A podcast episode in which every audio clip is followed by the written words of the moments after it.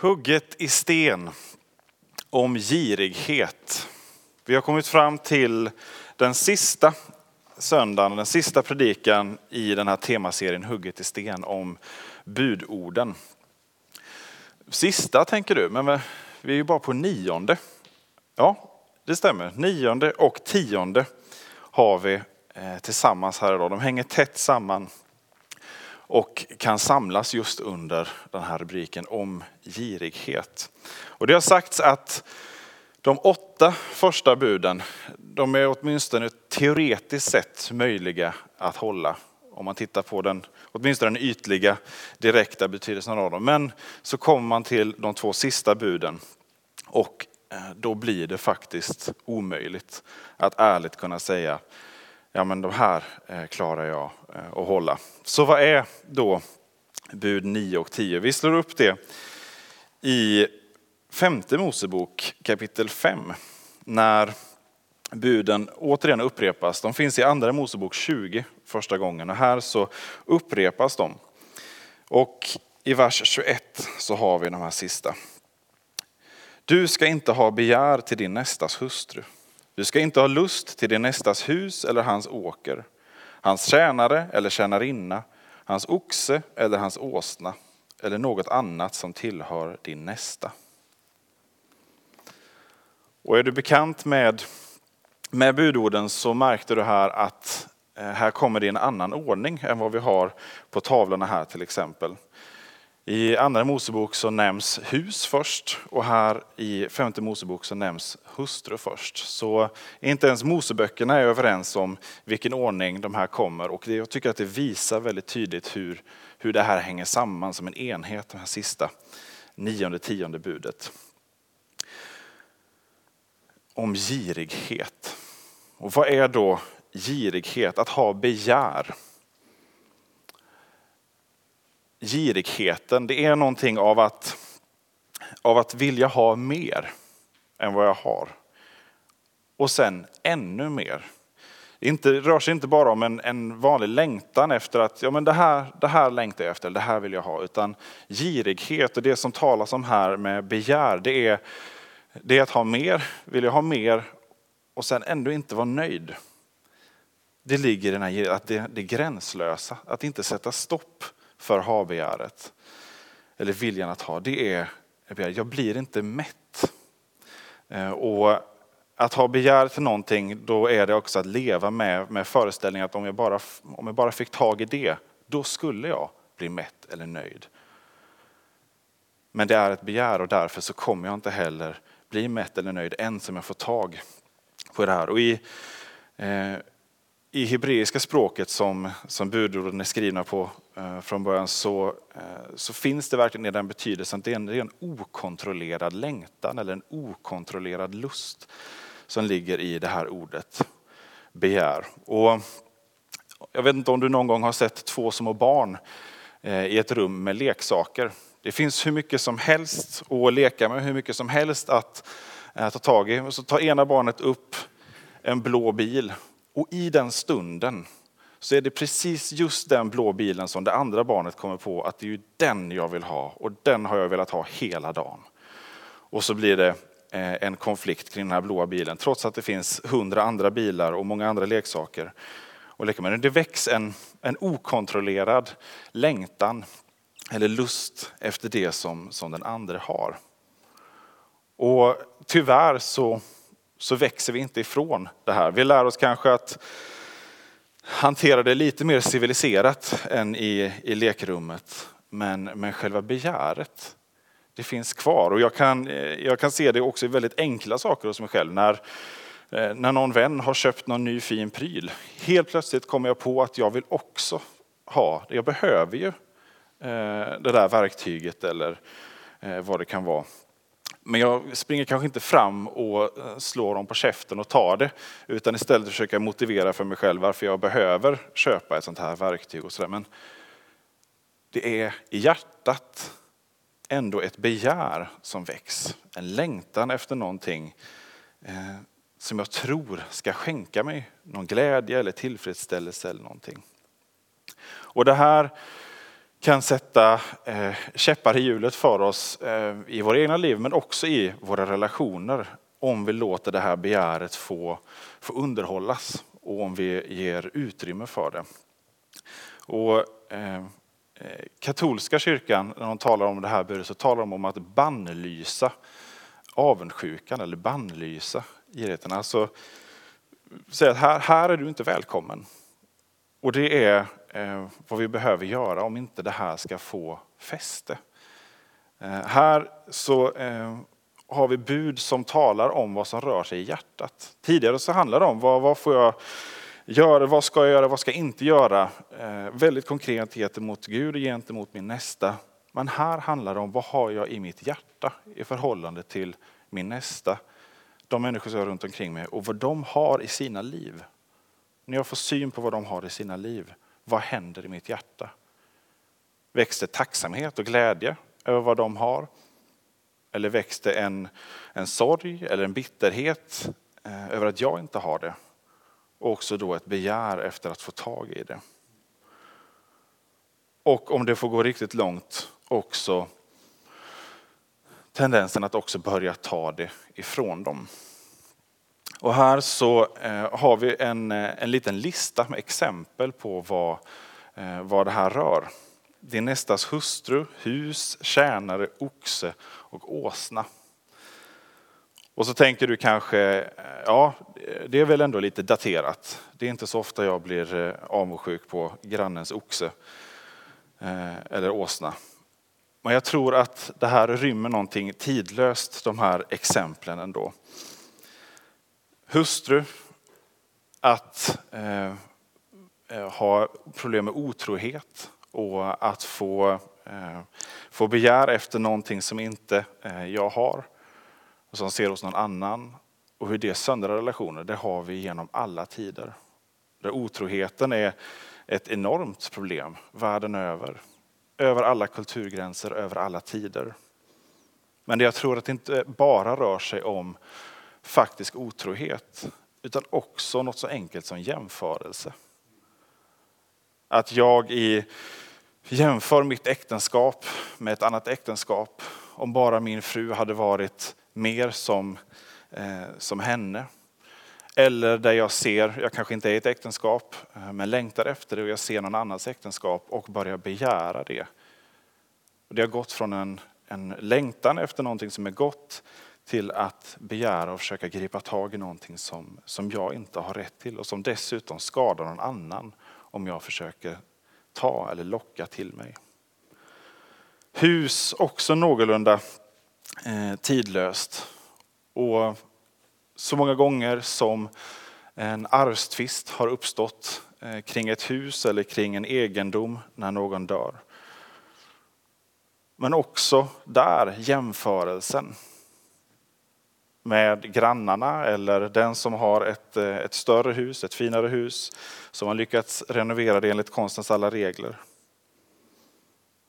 Eller kanske till och med avundsjuka kring Guds hus. Att som församling jämföra sig med en annan församling som verkar lyckas bättre eller eh, har fler eh, medlemmar eller sådär. Också där kan någonting som från början kan vara en naturlig och god längtan, att få göra det vi gör bättre som församling, att få nå fler, ändå landa i en avundsjuka istället för att inspireras av min nästa. Tjänare att inte ha begär till min nästas tjänare. Kanske det är mer överförbart idag i vårt samhälle på arbetsplatsen. Arbetsgivare och arbetstagare. Hur eh, förhåller jag mig till en som, eh, som har en chefsroll i sitt jobb och som får ett helt team som, eh, eh, som man får ansvar för? När jag längtar efter att också få nå den positionen kanske. Eller hur hanterar jag som arbetsgivare när jag ser en annan arbetsgivare har fantastiska anställda och har möjligheten att locka dem till mig med bättre erbjudanden kanske. Är det rättfärdigt? Är det marknadens spel och frihet som gäller bara? Eller har jag ett ansvar som arbetsgivare? i hur jag förhåller mig också till mina konkurrenter och, eh, och branschvänner. Oxen då. Oxen ett arbetsredskap, kraftigt arbetsredskap men också en statussymbol när det här skrivs. Den som har en oxe har eh, resurser. Och här kommer kanske verktygen in, de här trädgårdsredskapen som jag upptäckt att jag behöver. Eller vill höver i alla fall. Alltid någonting mer som, eh, som saknas, som någon annan har och som, eh, som man har och visar med det att här har jag resurser. Statussymboler har vi omkring oss överallt och väcker också begär. Och så till och med den här åsnan. Det dagliga färdmedlet. Att ha, ha råd med bil. Och det är någon som har råd med bil, kanske inte bara en bil, utan två bilar. Och det kanske inte är den, den vanliga folkvagnen utan en Königsegg till och med. Vad vaknar i mig när jag får syn på allt det här som, som mina vänner, grannar och människor runt omkring mig har. Och som jag upptäcker att jag saknar. Eller vill ha av en eller annan anledning.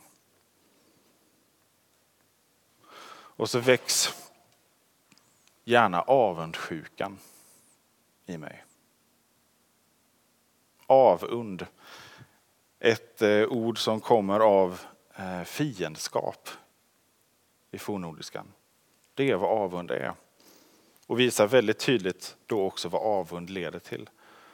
Om jag inte kan glädjas över det som andra har utan att också ha begäret och eh, till varje pris eh, få tag i det själv, eller om jag inte kan få tag i det åtminstone vara bitter över att jag Eh, inte får det och försöka hitta anledningar till att någon annan inte borde få ha det, så leder det till fiendskap. Och det söndrar eh, relationen till, eh, till de jag har runt omkring mig, men också så söndrar en själv. Det sätter sig som en sjuka. Och då är frågan, finns det, finns det något vaccin? Finns det något botemedel eller medicin mot den här sjukan? I första Korintierbrevet kapitel 13 så skriver Paulus om kärlekens väg. Och där skriver han så här. Kärleken är tålig och mild. Kärleken avundas inte. Den skryter inte. Den är inte uppblåst. Den uppför sig inte illa. Den söker inte sitt. Det här är Kristi kärlek. Det här är inte kärlek i allmänhet utan det här är gudomlig kärlek, Kristi kärlek, som inte är skrytsam, som inte avundas. Och det här verkar åt båda hållen. Har vi Kristi kärlek, ja då kan vi också få vara befriade från avund. Men inte nog med det, har vi Kristi kärlek så kan vi också bli befriade från skrytsamhet och därmed skona kanske vår nästa från avund om vi inte heller behöver visa upp våra statussymboler. Och vad är då den här kärleken? Hur, hur får jag tag i den? Det här, som jag sa, det här är Kristi kärlek, det här är ett porträtt. Eh, läser man hela det här stycket, kärlekens lov, eh, så, eh, så är det ett porträtt av Jesus själv. Det är en beskrivning av hans sinnelag, av eh, hur han är.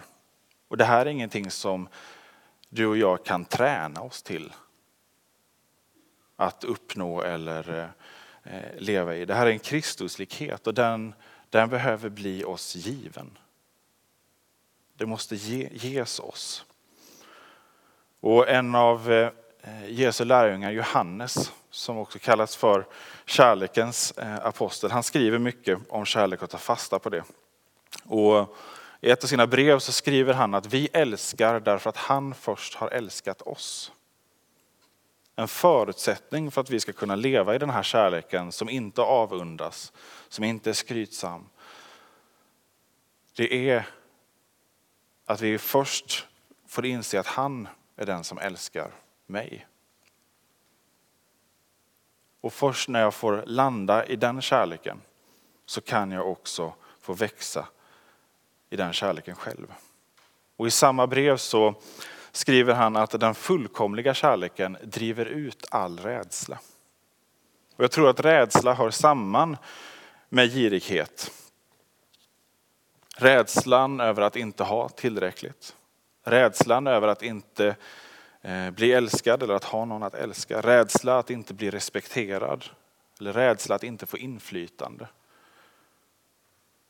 Allt detta kan få oss att söka friheten från rädslan och söka tillfredsställelsen i, eh, i någonting annat, i det som andra har.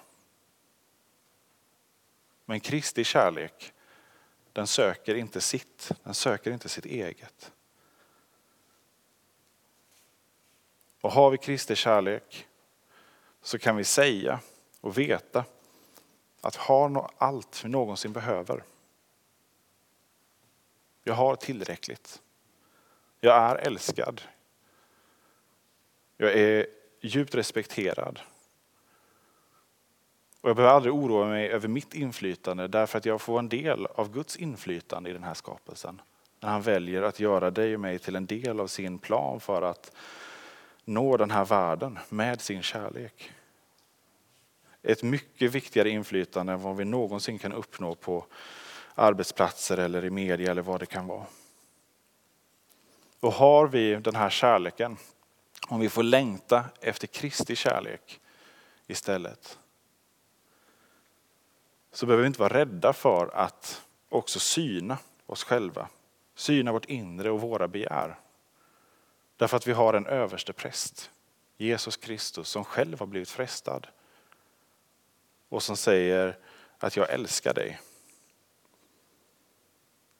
Och vi får vända oss till honom och frimodigt få be om förlåtelse. För allt vi har gjort men också för det vi ser i våra tankar och som vi underhåller i vårt hjärta. Och bli redo att se och att också bryta med vår synd och ta emot förlåtelsen från honom. Och Det gör också att det blir så mycket lättare när vi får vila och få återkomma till den här kärleken. Genom omvändelsen dagligen få gripa tag i den här osjälviska Kristuslika kärleken. Då gör det också mycket lättare att med nåd få möta andra människor när jag får syn på deras synd. Också deras synd gentemot mig. Om jag vet att jag har fått mycket förlåtet och är förmögen till, eh, till stort begär och många mörka tankar. Ja, då kan jag också vara mycket generösare med kärlek, nåd och förlåtelse till de som jag möter. Därför att jag vet att har Kristus förlåtit mig, ja då kan jag också förlåta andra. Om den här kärleken och förlåtelsen då kan få driva ut rädslan så finns det plats istället för avund så finns det plats för tacksamhet. Inte passiv eh, förnöjsamhet där vi inte längre kan längta efter någonting mer. Absolut kan vi längta efter mer. Men inte med begär, inte med destruktivitet, inte så att det drabbar vår nästa. Utan istället uppfyllda av Guds kärlek få längta efter, få mer av den kärleken. För det är så den verkar. Ju mer jag får fyllas av Kristi kärlek, ju mer kan jag också få längta efter att få dela den med andra. Det är så kärlek fungerar. Den förmeras, den förökas när vi delar den med andra.